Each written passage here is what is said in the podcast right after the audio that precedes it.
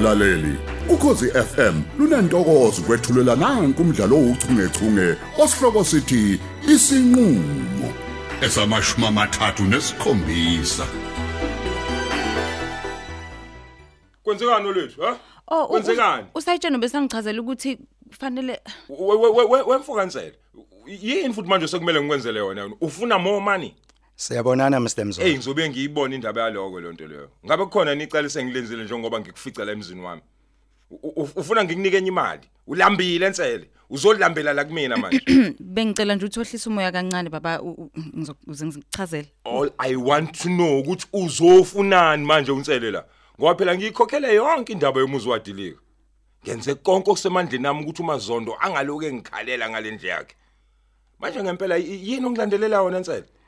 Eh Mr Mzola engakusho nje ukuthi njengoba ngilapha nje angizileke mina ngodaba lokushayiswa kodonga likaMazola. Ngibuza ukuthi uzofunani.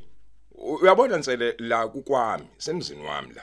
Lo muzi lo owami. Mhm. Une inombolo zami wena. Mawufuna imali ufona manje.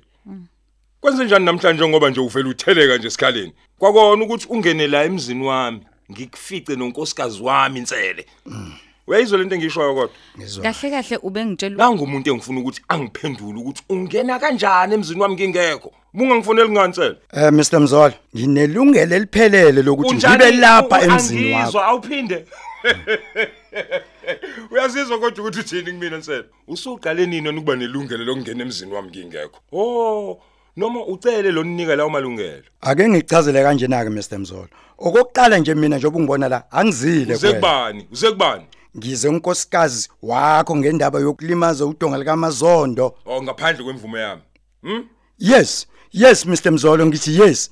Angidingiki imvumo yakho ukuthi ngikhulume noma sisimzolo uyangizwa? Yindaba ungathi unkosikazi wakho lokuthi mesisi mzolo. Yingoba ngifuna ukucacela ukuthi ngize ngomsisi olwethu Mzolo phaqa angizileke mina kumesisi Mzolo oshade okanye ongunkosikazi kamabutho Mzolo uyangizwa?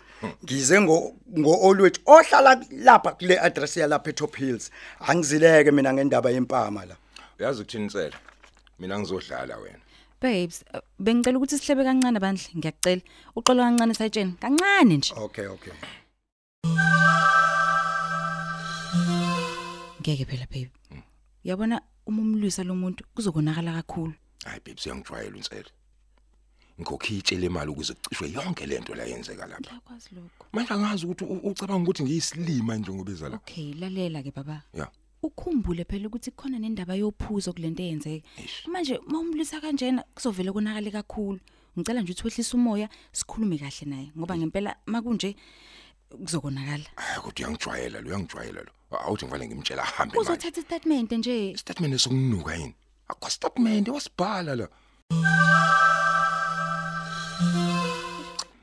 Cha asibonge ke Mr Nsele. A- Angicabanga ukuthi kukhona istatement ozosithola namhlanje.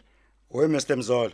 Awukwazi phela ukuthi ungangiphazamisa emsebenzini. Hey anginandaba naleyo nto emsebenzini wakho angingene lapho. Ngiyabona usukhohliwe wena ukuthi ungubani. Ngizokwenza ngendlela yami. Ngikhathalele amaphoyisa afana nawe akhohlakele. Nginikhokhele kahle kabi mina. Wangithembisa wena ukuthi hayi uzobanika obeauty noma zondo imali. Doti imuni manje lo wenzayo. Liphi iqiniso lokukhohlakala kwakho wena? Ngicela uhambe baba, please. Hamba. We Mr Mzolo.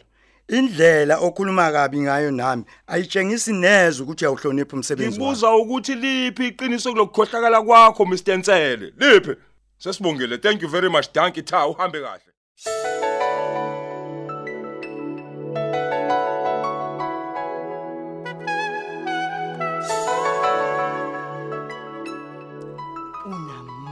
Ngiyakutshela indaba ntombi. Hayo hayi wangehlula ke ntombi kanxele. Uhamza uhlangana manje nezangoma nezinyanga ngoba phela mina ngazi ukuthi abantu abalandela lenkolo yabo yobusulumani abazihlanganisi nje nezinto ezifana nalezo. Ewe manxele uyabona kodwa ukuthi abantu badlala kanjani ngathi? Ngimufice egongobele lapha ebhentshini bheka bheka. Hey hayi Anezimanga angikholwa ke nje lengizwayo mina. Hayi angikholwa awungitsheleke nawe ke ukuthi ubusuyokwenzani manje kumazikode ngoba phela bengithi ngicelile nje ukuthi uhambise umntunga kadokotela Ah, phela bekumele ngiye kumazikode ngoba phela ubaba befuna ukuzwa ukuthi eh angaya yini kodokotela besilungu njengoba phela edla imithi le yakhe. Leyesintu. Oh, hayi sengiyakuzwa ke sengiyabona. Konje vele bake babuze nabo ukuthi kukhona yini okusebenzisayo. Uhambe kanjalo kubaba ukuyedimba ukuze asondelele phela odokotela. Hey, akunkani kuba bukhumalo. Angazi nje ukuthi ugcina umnqobe kanjani. Phela wena okuthola indoda yakho akumele ukuthi kwehlule. Noma ngabe nenkani kanjani. Ubokhumbula phela ukuthi wena uyazi kangcono. Uyazi ukuthi yipi inkinobho okumele uyicindezele ukuze athambe. Hayi ngikuzwa kahle mfazi, ngikuzwa kahle. Umfazi obazi indoda yakhe njengaloku nje icevuze iphikisana nendoda icevuze icevuze. Kepha uthinta izindawo ezithile nje. Angithi yabona nje. Kuvele ukuthi vithi okuyikhehla. nje. Ey umuntu nje owesifazana oqophisana nendoda yakhe ukuze athole into noma yenze sokuthile lo muntu usuke engayazi inhlobo indoda yakhe. Usuke engayazi nje. Hey, hey, sengathi ngalunga ke kodwa nayo le ndaba le yokuhlawula ka azothile. Umntunga akaphathekile neze nge- kahle ngale ngale ndaba lena. Angafi nje kungazange kube khona isixazululo. Hayi uyapi manje kwelokufa Hayi, Hayi sisi. akayindawo baba Hayi Cha, akayindawo Cha sisi cha. Nama ngisho ukuthi Hayi bengithi uyahamba angichaze emhlabeni. nje ukuthi akayindawo I- Isinjani kodwa i- isizungu njengoba indoda yakhe ingekho? Ngesikhathi esihlanganisa umfundisi wathi sesimunye simzimba munye. Ah, Uyabo njengoba engekho nje ayikezwakala ntombi. Oh, sithandwa Hhayi, sami kuyazwakala. uzobuya umntungu. Kunento nje exebukile kumina. kufanele.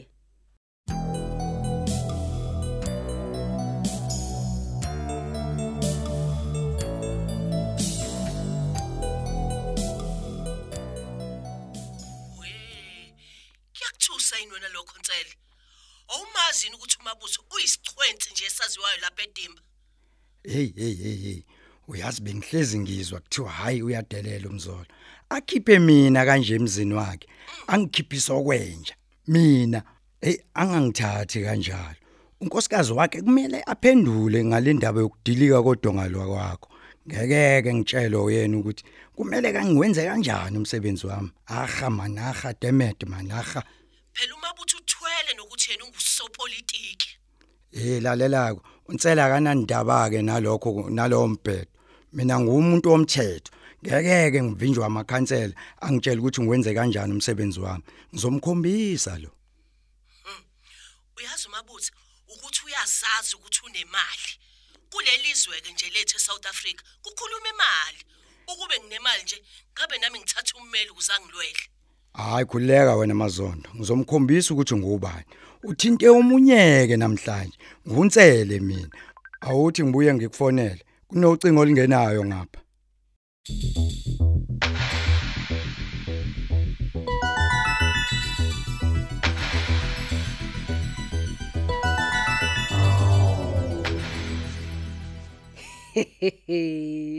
Hey wayizeka ke ukuthi oHamza laba abasifundekela ngenkolo yobusulumani kanti bayazi ukuthi bayakhokhoba bayeza ngomeni futhi. Hayi ngizibonele ngosinto. phe hayi mina ngangingazi ukuthi kanti nabefundisa imbala bayakhokhoba.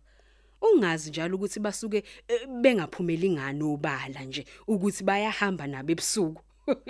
Hayi kepha kusibona bonke nokuthula benza lo mkhuba. iningi kodwa.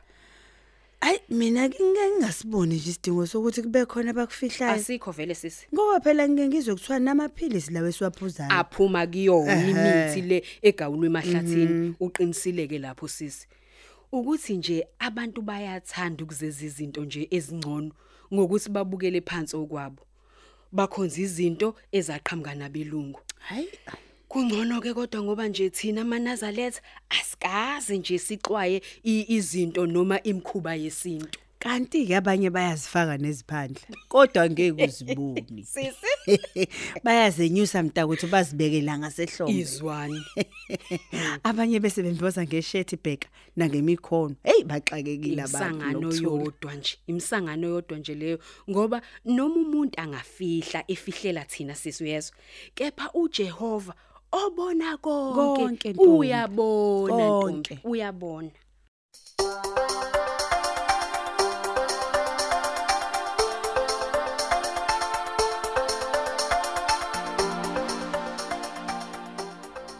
Hey, a- awukahle wewakithi.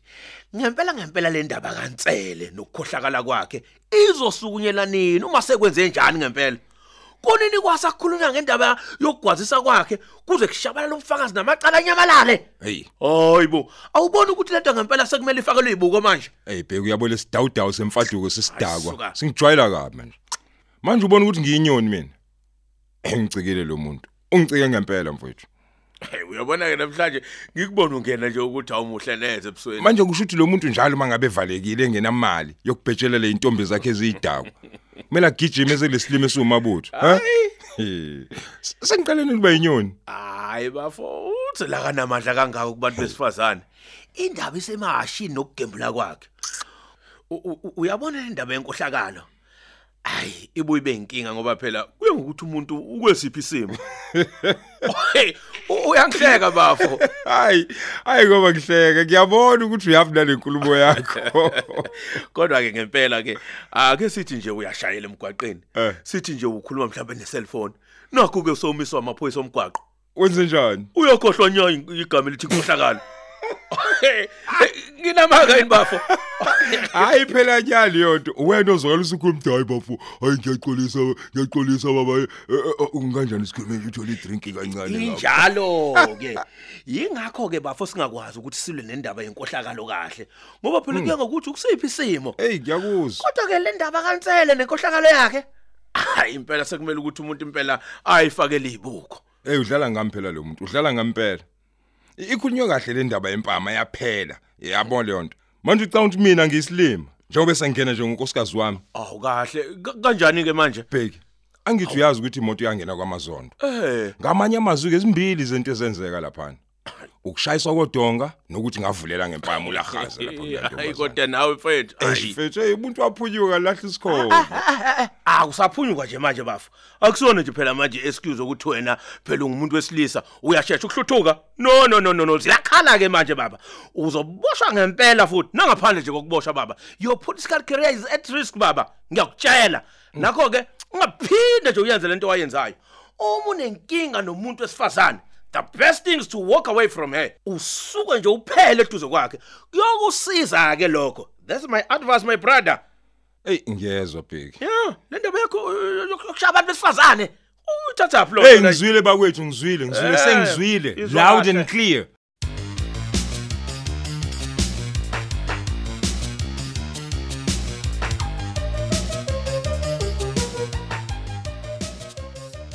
Cha kulungileke ndoda ngiyakuzwa.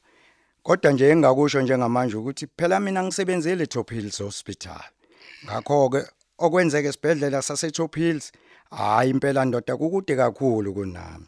Ngicela wena ukuthi uzame amanye amaphoyisa asebenzela kuleyo ndawo mfowethu. Njengoba bengike ngachazayo kodwa Mr Ntsele, ngiyazi ukuthi wake wabopha abantu abatholakala nezicubu zabantu okanye zomuntu. Ngakho ke umuntu engingakhuluma naye njengoba ngiyiphansi phezulu nje ngiphenya ngalolu daba. Hayi well kulungileke ndoda. Ngizocela ukuthi sibuye kubuyele kuwena ukuze sibone ukuthi sihlangana nini futhi kuphi. Hayi ke ungangijabulisa kakhulu lokho. Uphela kanjalo ke umdlalo wethu ouchungechunge osihloko sithi isinqulo olethelwa ukhozi FM